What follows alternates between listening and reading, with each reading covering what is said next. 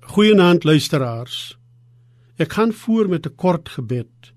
Here, leer ons bid as 'n manier om U naam groot te maak en dankie te sê vir U goedheid.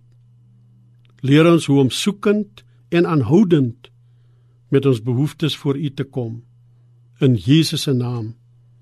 Amen. In Lukas 11 vers 1 tot en met 13 gee Jesus belangrike riglyne vir gebed aan koninkryksmense.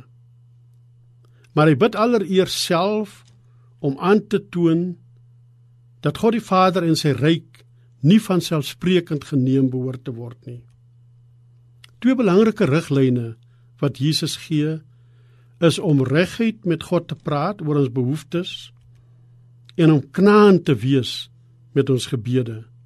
Die gebed sê Jesus is nie 'n in 'n onderhandelings sessie met God nie.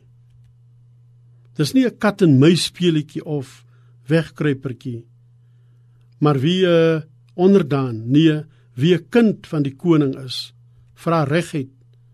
Soos die man wat middernagtelik in sy verleentheid by die buurman aanklop vir brood om sy gas wat skielik opgedaag het iets te eet te bied. Hy klop knaand en vra brood. Of soos die reggeaarde pa wat nie as sy seentjie vis vra vir hom 'n slang opdis nie of as sy dogtertjie 'n gebakte eier vra vir haar 'n spinnekop voorsit nie.